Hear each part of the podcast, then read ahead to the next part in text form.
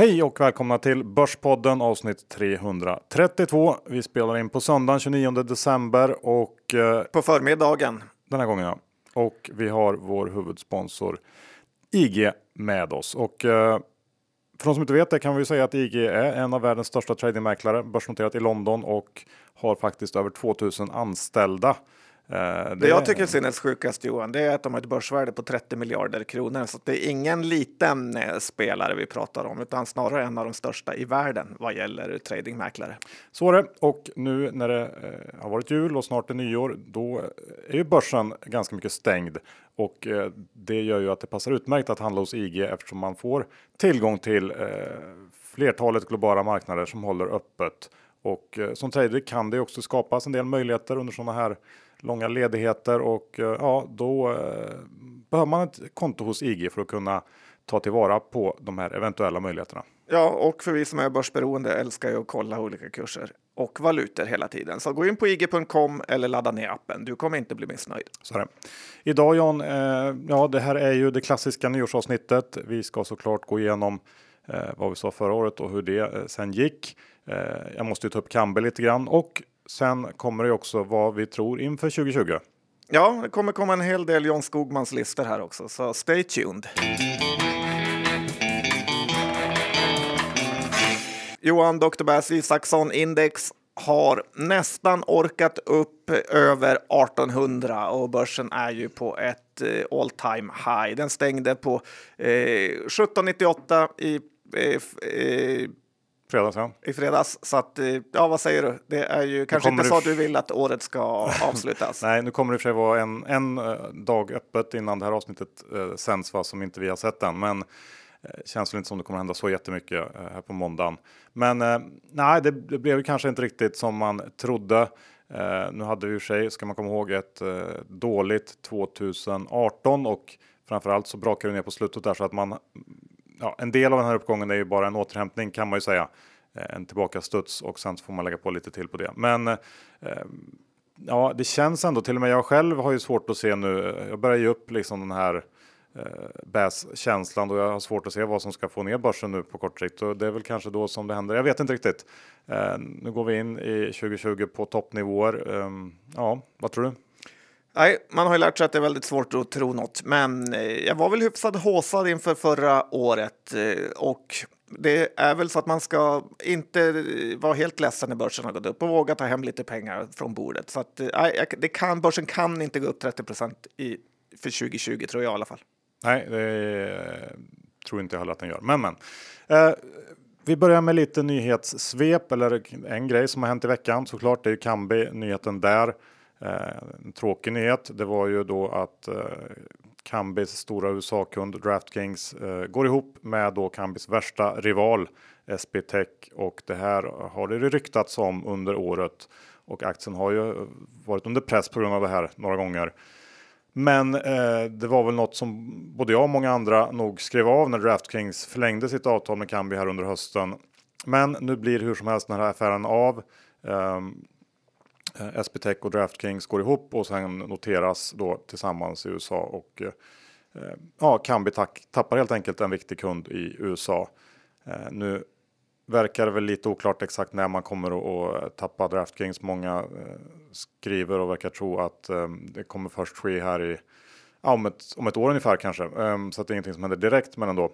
Uh, och sen så blir ju inte det här bättre av att uh, Ström sålde mycket aktier nära på den här affären. Eh, vare sig han hade någon aning eller inte. Det spelar inte så stor roll. Det är ändå en stor förtroendesmäll för både Ström och Kambi på något sätt. Eh, ja, vad, vad tänker du om? Nej, men det är att jag tycker väl eh, lite synd om Ström, hur de hackar på honom här. Det här är ju eh, ingenting som hade med Kambi att göra och den som SBTech minst av alla vill tala om det här för är ju eh, den som är då största ägare i just värsta rivalen Kambi. Så att jag har svårt att tro att han skulle ha någon som helst aning om eh, det här. Eh, samtidigt är det ju tajmingen här dels med Triple Eight som eh, då han sålde aktier också eh, Eh, förra gången innan eh, de, eh, de köpte Betbright. Så att de som vill vara elaka mot han har ju ammunition, så är det ju. Ja, absolut. Sen kan man väl säga, jag har kollat lite på presentationer från, från uh, Draftkings i samband med det här och um, Draftkings uh, vd uh, berättar ju hur, hur man, um, ja, man gick ju bakvägen in till börsen på något sätt via ett sånt här special purpose vehicle tror jag det kallas, den här Diamond Eagle-bolaget och um, tog då in pengar. Uh, typ som när man köper ett fastighetsbolag i, eller ett biotechbolag och gör det ett fastighetsbolag eller? Ja, men det kan man säga ungefär lite, lite förenklat. Uh, nej, men de tog in pengar i samband med affären um, och har då varit ute och pratat med ganska mycket investerare om då affären och upplägget och fått feedback och så här. Och han, han kommenterar på CNBC tror jag just hur, hur smidigt han tyckte det var att man kunde vara ute och prata ganska öppet om det. Så att det känns som att det vore konstigt att inte eh, folk har känt till det här. I och för sig så har ju aktien den, ja, fram till Ströms sälj där så gick den ju ursinnigt starkt så att det verkar ju inte heller som att det är så många som har känt till det. Jag vet inte riktigt. Det, det kan man ju spekulera i bara. Men eh, det negativa såklart har vi gått igenom. Eh, man tappar och Draftkings. Men det finns ju två sidor av det här myntet. På lite längre sikt så finns det ju en del eh, positiva aspekter av det här. Kan vi bli av med sin värsta konkurrent och jag har ju väldigt svårt att se andra operatörer eh, att de kommer vilja köpa SBTX sportbok och därmed göda en konkurrent. Eh, det var ju också hela rationalen bakom att Kambi knoppades av från Kindred en gång i tiden. Eh, så på lite sikt så tror jag att det här kommer att leda till fler kunder för Kambi. Ehm, kanske också till lite bättre villkor när man slipper slåss mot, mot SBTech som ska ha varit ganska hårda när det gäller prispress. Eh, ehm, och sen så har ju aktien faktiskt tappat enormt mycket här under december. Från 195 ner till, till ja, nu stängde den på 140 var i fredags, får se hur det går på måndagen. Men eh, det är ju en bra bit under var den här aktien stod när man signade DraftKings från första början. början. och eh, efter det så har de ju ändå eh, skaffat sig fler riktigt fina kunder eh, i USA där Penn kanske är den, den viktigaste och det är en spelare som absolut på sikt har goda möjligheter att bli större än DraftKings. Ehm, men, men eh, ändå kortsiktigt trist såklart, lägger någon slags våt filt över den här aktien. Eh, lite extra trist när det såg så bra ut med fantastiska siffror från USA här under Q4 och allt verkade vara upplagt för ett riktigt bra 2020. Det är väl på något sätt fortfarande, men, men ändå. Ehm, det bästa nu vore väl om man kunde signa lite nya kunder snabbt och eh, det hade ju varit väldigt kul om de kunde sno en från, från eh, SP SB Tech. Men det tar väl lite längre tid än så eh, antar jag. Men ja, jag ehm, ligger ändå kvar i, i Kambi. Det var svårt att göra så mycket annat, men jag gissar att jag kommer göra det även ja, en bra bit eh, in i 2020 också. Ja, en sak som stör mig något kolossalt är ju hur aktien blev handelsstoppad under i princip hela dagen. Och eh, det är jag rätt säker på är för att eh, de här datorerna fullständigt fick spel och bara tryckte aktien ner längre och längre och längre. Certifikat utlöstes och börsen hade ingen kontroll över den här datahandeln. Så att det enda de fick göra var att handelsstoppa aktien. Eh, och eh, för att det här var ju ingenting som rörde Kambi själva som bolag, utan det här var ju utanför Kambi.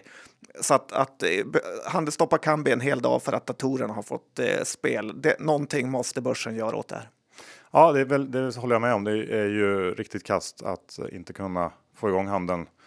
Visst, att stoppa en, en kort stund kanske för att få någon slags uttalande från Kambi kan man väl tycka är rimligt, rimligt men det måste gå snabbare än så här. Det kan inte vara stängt eh, merparten av dagen. Jo, men också att aktien gick ner 30 procent för att sen gå upp 15 dagen efter indikerar 20 ju, till och med. Ja, indikerar ju att eh, det var datorerna som fick eh, spel. Och återigen, de får ta över börsen, de får sko sig. Vi mm. andra kan bara titta på. Sen kan man väl också eh, väga in här att eh, tittar man på den värdering som SBTech får i den här affären så är ju den eh, multipelmässigt eh, dubbelt så hög som, som Kambis ungefär.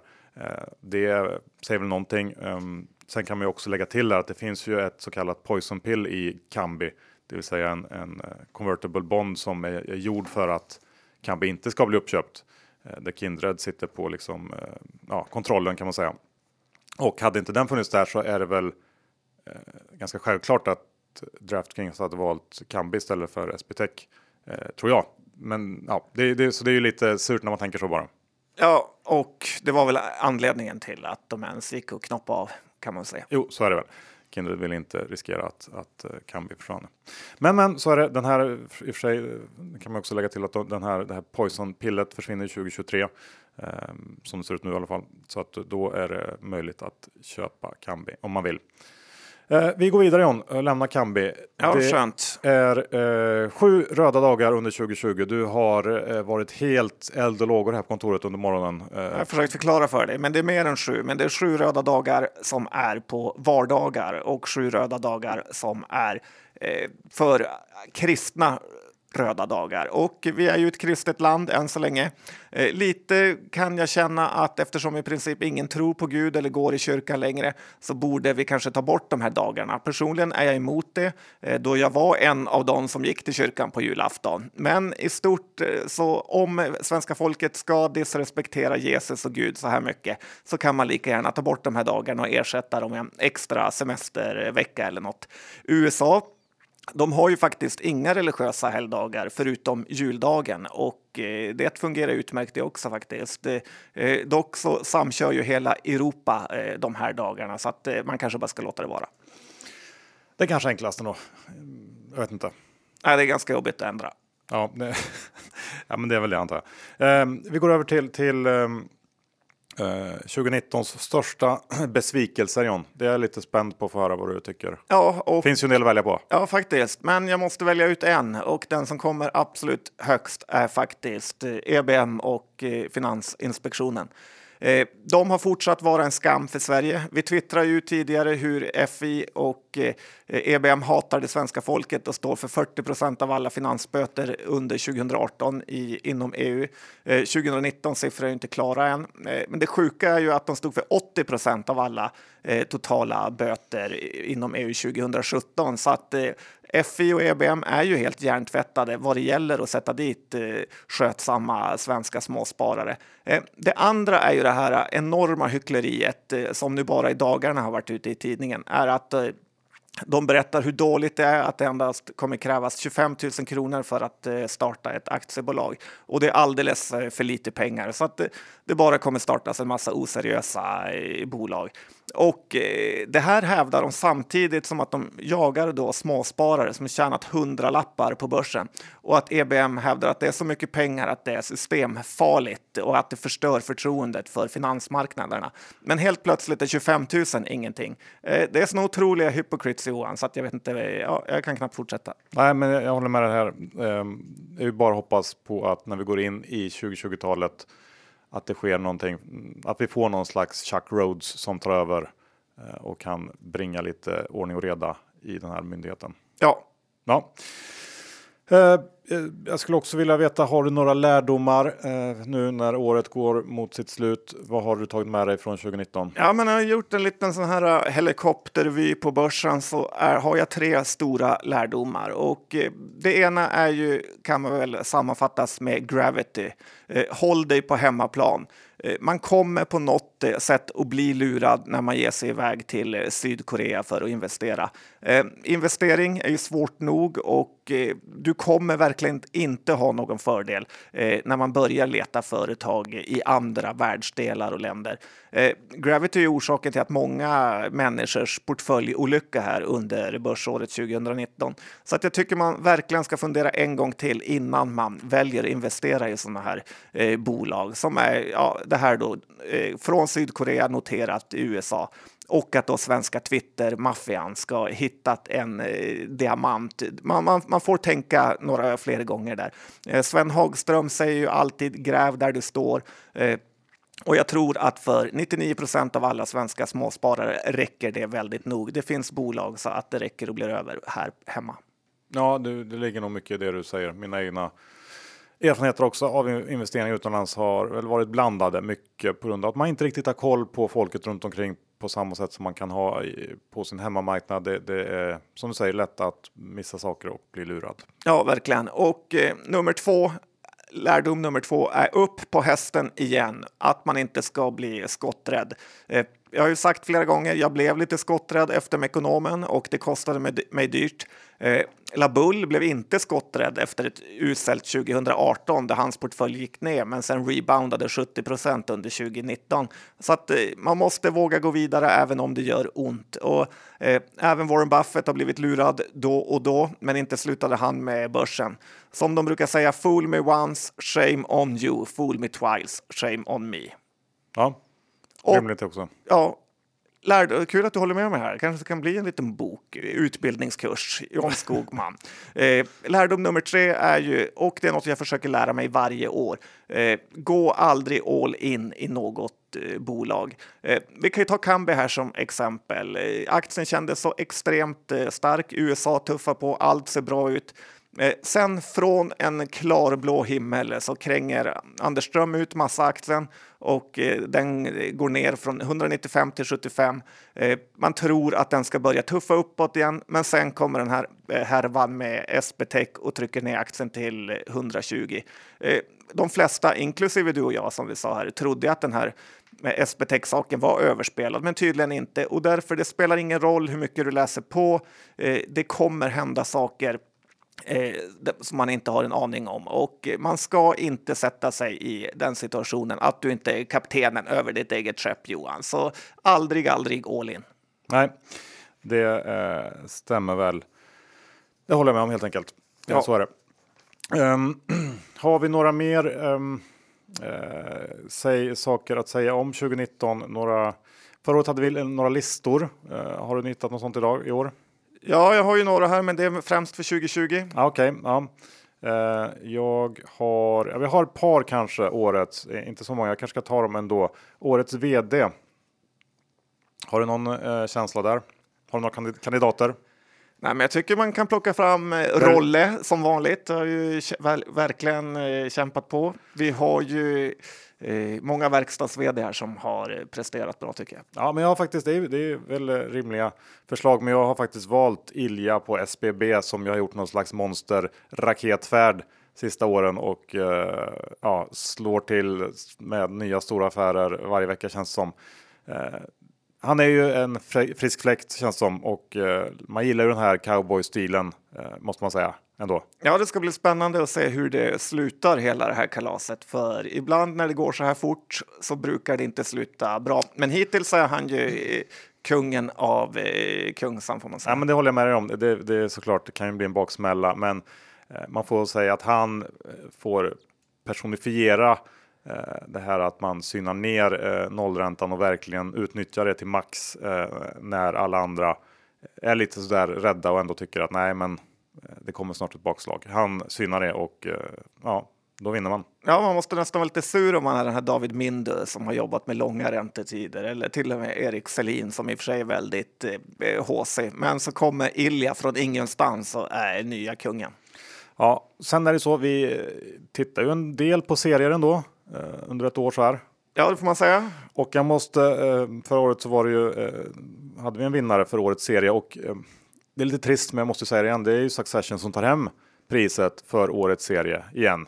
Eh, så är det bara. Och jag har även ett hedersnämnande till den här norska eh, Exit-serien som jag också tyckte var väldigt bra. Eh, vad säger du om det? Ja, jag tycker att det var bra. Alltid kul att se hur det går för hm familjen och eh, sen eh, vill jag också även i år ge ett pris för årets Exit. Eh, Förra året så var det ju Ola Rolén som fick det här priset för eh, sin försäljning i BIM. Och jag känner att jag måste nog ge det till Ola igen. Han måste få ett pris. Han halverar ju sin, eh, sin stek i Hexagon här för inte så länge sedan och eh, eh ja, om man bara tittar på hur BIM-försäljningen eh, nu blev så här med, med lite eh, ett år bak i tiden så, så var ju den fantastisk. Så um, ja, vi ger det till Ola igen. Ja, han behöver ett pris. Ja, han. Bra. Eh, ska vi lite kort gå igenom också vad vi sa förra året? Det var väl inte någon jättekul eh, lyssning så här efterhand när jag lyssnade på det. Kul att du hossar upp det. häromdagen, men eh, för att ge lite bakgrund så spelar vi faktiskt in det här eh, runt julafton, vilket ju var mer eller mindre botten eh, och allt såg ju väldigt, väldigt mörkt ut då. Mm, det är lätt att bli färgad av eh, hur det nyligen, vad som har hänt. Ja, Eh, du John i alla fall trodde att 2019 skulle bli uppvaknandets år. Lite som eh, liksom efter IT-yran där att Amazon och Spotify och ja, high flying tech-aktier skulle få det tufft och att det blir en, skulle bli en återgång till bolag från den gamla ekonomin som tjänade pengar. Eh, och det här skulle slå hårdast mot de amerikanska börserna. Eh, du såg också kollaps för kontorshotell med startup-inriktning. Men för vanliga bolag bra börsår med återhämtning. Och det, ja, delvis rätt får man ju säga. Det blev inget uppvaknande för techbolagen. Um, de har ju gått väldigt bra även i år. Man kanske kan till och med säga att, att de fortsätter att leda den här uppgången. Eh, så den punkten blir det fel på, men eh, jag ger ändå rätt här för kollaps eh, av hypade kontorshotell alla WeWork och återhämtning för vanliga bolag. Det var ju spot on. Sen hade du väl tre lite mer konkreta idéer. Ehm, du sa bolag som gör comeback. Då hade du bilbranschen att den har tagit för mycket stryk och köp hela sektorn ungefär tolkar det som. Kollar man, det finns faktiskt ett index på OMX som heter um, Automobile uh, and Parts. Och det indexet är faktiskt bara upp 10 i år, så det är en besvikelse måste jag säga. Ja, men det är det. Uh, sen om man tittar på lite enskilda bolag, ja, Autoliv plus 27, det är väl i linje med börsen. Uh, Concentric ungefär samma, Haldex ner 25, Bulten ner 10, Veoneer ner 32. Uh, ja, du kanske kan lägga in Mekonomen där om du vill. Jag vet inte, men det var ändå lite blandat. Det var inte någon tydlig sådär monster comeback. Nej, det var det. Det får vi hålla med om.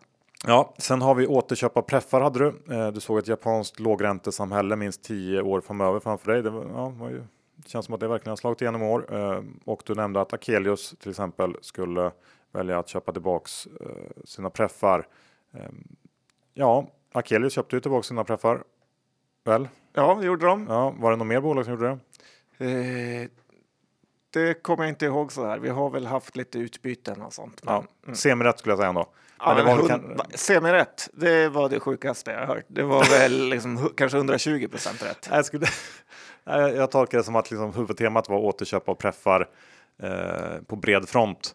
Och där var det ju ett bolag som köpte då, kom fram till. Ja. Eh, men visst, ja, ja, okej, du får, om man kan gradera från 100 procent till noll så får du eh, 80 då. Okej, okay, tack. Inte det, det är högt för, högt för att vara dig. Inte 120. Sen sa du svenska banker ska ner mer. Du var orolig för bankerna. Du skulle, kunde inte se hur Swedbank skulle stå över 200. Säljsektorn, bankerna i Sverige står för högt mot globala peers. Det var ju helt rätt och väldigt snyggt. Speciellt ett år när börsen går upp 30% så eh, är ju ändå den här sektorn riktigt usel i år. Swedbank ner 30% Resten är väl ungefär oförändrade. Eh, men givet att börsen steg 30% så är ju det uselt. Det var 100% rätt. Tack. Ja, varsågod. Och det var dina grejer. Eh, eh, om man tittar på vad jag sa, så jag var inne på lite samma spaning kring techaktierna som du hade. Eh, men det funkar ju inte. Det var väl lite sådär, just då snackades det om att att eh, liksom det finansiella klimatet hade blivit, det hade blivit dyrare att låna pengar och USA var fortfarande i någon slags tightening mode och sådär. Eh, och jag var inne på att det skulle bli tuffare för till exempel ett bolag som Netflix som, som bränner väldigt mycket pengar och som behöver eh, rimliga villkor för att finansiera sig. Men eh, det där eh, föll ju under året och eh, ja, blev fel helt enkelt. Jag trodde också att, att den här ETF-trenden med passivt förvaltat kapital skulle lite stanna upp och eh, tänkte att årsskiftet kunde bli en vändpunkt att, att eh, ja, det skulle kunna bli stora utflöden där. Så blev det inte heller. Ehm, sen hade jag väl eh, det enda jag hade rätt kring var väl att ehm, jag var lite eh, håsad till bitcoin under 2019. Ehm, bitcoin har väl gått upp ungefär 100% under året. Eh, jag trodde också att, att den här sektorn skulle få någon slags mer genomslag och bli mer mainstream, kanske liksom dyka upp i mer ja, användbara applikationer än, än att bara trada eh, sådana här kryptocoins fram och tillbaka. Men det var ju fel. Eh, det här genombrottet för sektorn kom inte. Men eh, ja, 50% rätt i alla fall. Bitcoin gick bra. Okej, okay, den har gått så bra i år. Var en känsla av att den har gått dåligt i år. Ja, jag tror att det var för att den gick in ganska lågt. Eh, sen gick den ju upp väldigt bra eh, och sen har den gått lite sämre på slutet. Men tittar man från årets början så var det, är det faktiskt ändå en dubblering. Eh, och det kanske man inte riktigt tror, men så var det. Sen hade vi faktiskt Syding med oss förra året. Men han är på utbildning idag. ja, han hade ju lite sådär eh, att det enda han var lite liksom bullad till. Han trodde inte att bankerna skulle gå omkull eh, så att han sa köp bankerna för de kommer klara sig. Så sälj allt men, men buy the dip i banker var ungefär hans eh, take. Och det var väl lite dubbelfel. Det var väl liksom tvärtom man skulle göra. Han, ja. han får väl... Eh, är det 100% fel då? Åt, ja, var Eller 200% fel? Ja, om han dubblar, ja det blir 200% fel. Mm, kul. Han får väl eh, hojta här om han tycker att vi har tolkat det här fel. Eh, Sen var han in lite på Tesla eh, och att det var sinnessjukt men han hade ändå gett upp den kortningen sa han. Så att, eh, han tyckte att det var någonting man inte vet där, mäktiga kompisar eller vad det nu är. Aktien är för stark och det är någonting man inte förstår helt enkelt. Det kan jag väl hålla med om. Ja, så är det. Ehm, Tesla upp 30% i år efter en ruggig resa här under hösten. Den har väl i princip dubblats eh, sedan eh, början på hösten. Och eh, det han hade rätt i i och för sig, det var eh, guld. Det var hans eh, köp, stora köp kol. Ehm, han tyckte att vi fick sista pusselbiten under 2018 där när guldet steg trots en starkare dollar och att det var startskottet. Köp guld och gruvor och guldet upp 18% i år i dollar. Eh, Gruv-ETFerna som vi pratade om, GDX och GDXJ, eh, upp nästan 40% bägge två. Eh, så det är bra eh, pix bägge två. Mm. Ja. Bra John, ska vi gå in eh, på eh, våra 2020-spaningar då? Ja, nej, men det är intressant att se hur svårt det är. Jag måste ändå säga att jag är imponerad över hur pricksäker jag är. Så lyssna lite extra nu när jag pratar, eller hur? Ja, du är väl den som har bäst eh, record eh, sen vi började med de här 20 nyårsavsnitten skulle jag säga. Mm, tack. Eh, Men det är så här tre sektorer som kan bli heta inför 2020 och det ena är då eh, även om man är sen på pucken så tror jag att det finns oändligt mycket att ta här och det är djursjukvård. Eh, bara den senaste tiden här har jag träffat många som eh, kör vattengympa med sina hundar eller att hunden då har två till tre olika mediciner för artros och eh, tandlossning och allt eh, möjligt. Alltså Eh, Den har en sån egen lilla eh, kart, eh, medicinkarta alltså. Folk är uppenbarligen beredda att betala hur mycket som helst för att hålla sina husdjur vid liv. Och då räcker det med några år till för att man ska vara beredd att betala det här. Och med tanke på att barnafödandet eh, minskar i princip hela världen eh, så skaffar människor en hund eller katt eh, för att ha som sällskap. Och så vill man ha den här lilla djuret så länge det bara går. Så det här är en ypperlig marknad. Jag läste att till och med Kry har ju startat sån här veterinärvård, att man kan ringa in. Så att, det känns verkligen hett. Vi har ju några bolag här på Stockholmsbörsen som är ju väldigt högt värderade, men eh, eh, bara för att man inte är först på pucken så behöver det inte vara en eh, dålig affär. Eh, och det andra är ju faktiskt eh, fejkkött eller nya proteinkällor. Beyond Meat har ju redan visat hur lyckosamt det är. Eh, och jag har faktiskt börjat eh, köpa deras hamburgare trots den enorma överprissättningen. Eh, burgarna är ju väldigt, väldigt dyra. Jag tror att de kostar kring 70 kronor för två pack. Men i längden borde man kunna komma ner i pris och bli lite mer household. Dessutom så slipper ju alla väldigt mycket jobb när man inte behöver ha sådana här levande kreatur med regler och avfall. Och att det känns ju ändå lite bra att inte behöva slakta några miljarder kycklingar och kossor varje år. Eh, så hittar man rätt bolag i den här branschen så kommer man bli rik. Eh. Ja, har du något förslag där då? Förutom Beyond Meat känns ju ändå som att den har väl inte gått så bra va, sen den toppade? Nej, Eller? det har det inte gjort. Det är möjligt att det här är lite en sån här Tesla-varning över den, att man tror den ska ner till noll, men den kommer explodera. Men visst så har vi Secare här i Swedencare i Sverige som också har gått väldigt bra på slutet. eh, Nu är det djursjukvård du pratar Ja, om. precis. Så att eh, många, det finns en del bolag, men det kommer också finnas lycksökare här. För man kan ju tycka när det gäller den här, det här Beyond Meat köttet, alltså liksom växt, det är växtbaserat du tänker på eller som man ska. Ja. Då, då spontant tänker man ju att det här blir lite av en commodity och att liksom att pressa ut sådana här hamburgare i någon slags ärtröra med lite grejer i. Känns ju inte som eh, någonting man kanske kan tjäna hur mycket pengar som helst på eller kan ta ut jättefeta marginaler på. Men tänker du då att det kanske blir någon slags brandgrej, att det blir någon liksom Coca-Cola-tänk bakom? För det är ju inte heller någonting som i sig kostar mycket, men, men man har ett varumärke. Nej, men jag tror inte att det spelar så roll att, st- stor roll att de här kommer komma ner i pris, utan snarare att tillväxten är oändlig eh, för att mätta 8 miljarder människor. Så att just, eh, jag tror mer på tillväxten än kanske vad slutpriset eh, blir. Det här med att det är så mycket, många klagar på att det är så mycket konstiga ämnen i de här och att det inte kanske är så nyttigt ändå.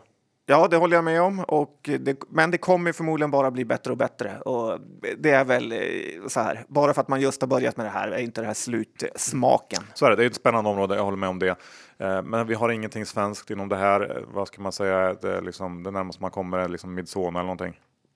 Ja, det vill jag inte ens. Jag vill inte ge dem den credden. Nej, nej, jag håller med. Det var väl lite väl långsökt kanske. Ja, okej. Och sen har vi ju ändå det här, som jag sa förra året, men jag tycker ändå att det är för intressant för att inte eh, göra och det är att man ska börja köpa fordonsbolag. Det är låga multiplar på massa av de här bolagen. Vi har ju sett eh, att marknaden verkligen gillar vad Tesla gör här i slutet. Och det är väl kanske en liten fingervisning att det värsta är redan gjort inom fordonssektorn. Eh, det bästa med det här att det finns nästan hur många bolag som helst att välja mellan. Eh, man, antingen så väljer man de stora bjässarna, typ BMW, Volkswagen. Eh, för att i USA så ser man ju hur många bolag som är enormt stora, typ Apple, kan gå upp jättemycket trots att eh, de är redan stora. Eller så tar man de här mindre bolagen med högre risk där det kan gå betydligt fortare. Eh, eh, det, ja, som jag sagt, det kan vara kul att ha en liten mix av det. Eh, det brukar ju synas mest hos underleverantörerna först eh, och eh, eh, jag tror ändå inte att någon kör mindre bil nu än förut. Så att det här måste någon gång vara en sektor som kommer överprestera börsen. Ja, men jag håller väl med dig där. Jag är, kan köpa att man blir lite sugen på, på den branschen. Jag har själv inte köpt någonting, men Ja, det kanske man ska kolla lite mer eh, på in i 2020 eh, här. Ja. ja, och en bransch man kanske inte ska passas, eller en bransch man ska passa sig för Johan. Mm. Vad tror du själv?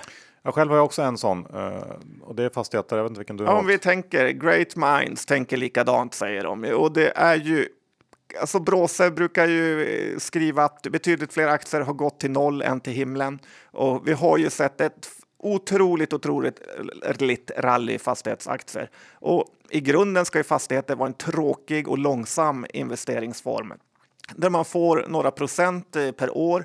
Eh, men under den, ränte, den här räntesänkningsperioden vi haft så blir det här typ den nya formen av IT-aktier.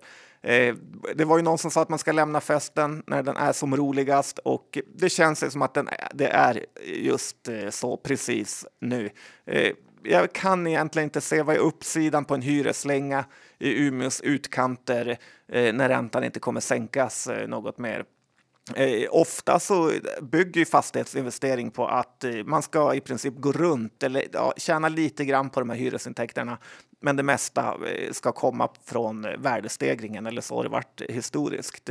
Så att eh, värdestegringens tid är nog förbi, i alla fall den största delen och att det är nu man ska lämna festen. Ja, men det håller jag med dig och Eh, sen så kan man ju säga att det är svårt att se på kort sikt vad som ska ta död på det här, eh, den här håsen. Men det finns ju också en, en eller det finns väl en, en riktig nyckelfaktor, det är väl inflationen på något sätt och det är ju även nyckeln till hela börsen kan man ju säga. Men, men där är det väl egentligen svårt att se att det ska hända så jättemycket närmaste åren. Det får man väl hålla med om. Men det, på slutet har det faktiskt börjat röra sig lite uppåt. Jag läste lite om det här eh, för USA, data därifrån. Eh, till exempel så var ju lönerna för sådana här non-supervisory employees och det kan man säga liksom merparten av alla som jobbar i USA. 80% av alla som, som har ett jobb är, är där. Eh, deras löner steg under hösten i den snabbaste takten på över 10 år och arbetslösheten är ju superlåg.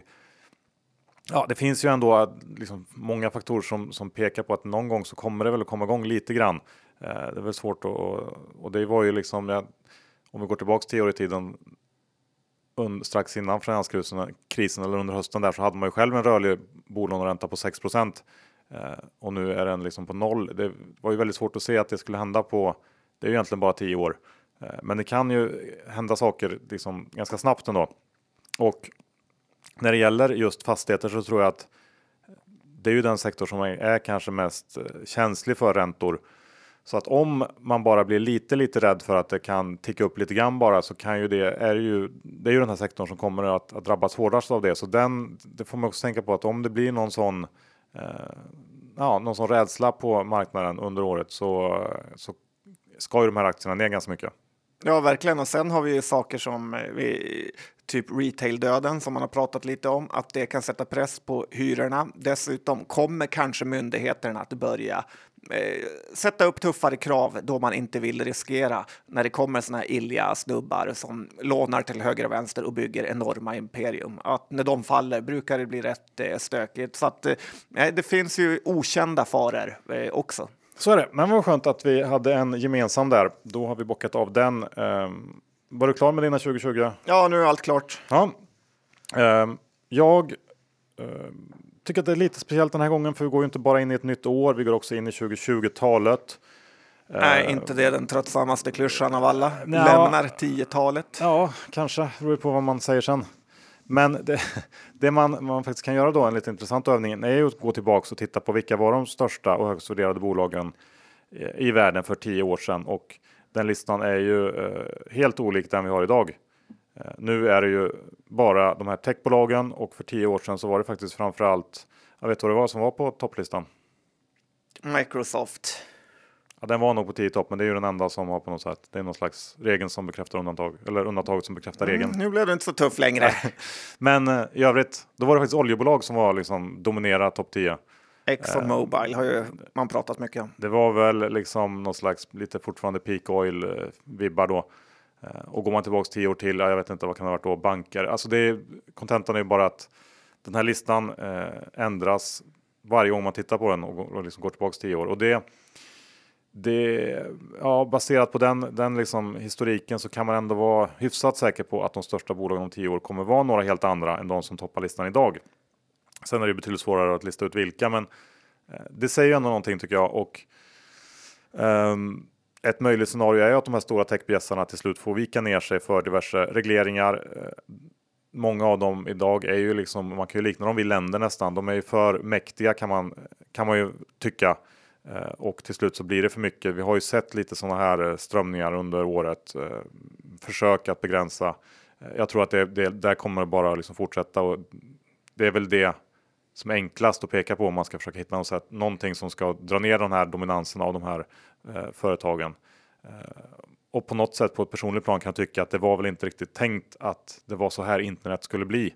Eh, att vi fick liksom en handfull monopolliknande bolag som fullständigt dominerar eh, sina respektive nischer med liksom Google på sök och Facebook på vad ska man kalla det, din identitet kanske. Eh, så att där, där tror jag att det kommer hända något. Jag hoppas att krypto kommer ha en roll i det här. Eh, för det jag gillar i det är ju det här decentraliserade och att Eh, det liksom i förlängningen möjliggör ett annat internet där man själv eh, exempelvis skulle kunna äga sin egen data. Vi får se. Eh, mm, jag tror att det, det, krypto skulle kunna ha något, något finger med i spelet när det gäller att disrupta de här techjättarna. Men det tror jag kanske inte riktigt sker 2020. Men jag kan ändå lägga till det som någon slags ja, pick för hela 2020-talet. Men om man ska vara lite mer konkret inför 2020 så har jag faktiskt eh, valt eh, min första eh, köpcase. Eh, Får jag bara säga en sak innan ja. det här med listorna är ju att eh, ofta så när man pratar om topplistorna att bolag har försvunnit därifrån så tror man att de har gått i konkurs. Eh, Exxon Mobil har ju levererat på bra eh, och gett bra shareholder value för de som har ägt den. Bara för att den inte är på topp 10 så är den fortfarande värd något medans eh, det är Amazon och Apple och de här som har gjort ett fantastiskt eh, bra jobb. Eh, bara, det är bara den korta Ja, men så är det absolut. Så är det ju. Det får man ju tänka på. Köpcase från Johan. Det här ska bli spännande. Köpcase med saker som jag tycker ändå ser spännande ut. Um, jag har ju ändå försökt ha någon slags utgångspunkt i Munger och Always Invert på något sätt. Men inför 2020 så har, tittar man på en, en grupp eh, eller en, en marknad eh, som haft det tufft så är det ju emerging markets. Eh, det, det, är liksom eh, marknader som haft det tufft under en ganska lång period eh, samtidigt som man har många liksom, av de här makrofaktorerna med sig med demografi och liksom, i många fall yngre befolkningar och lägre skuldsättning och högre tillväxt och så vidare.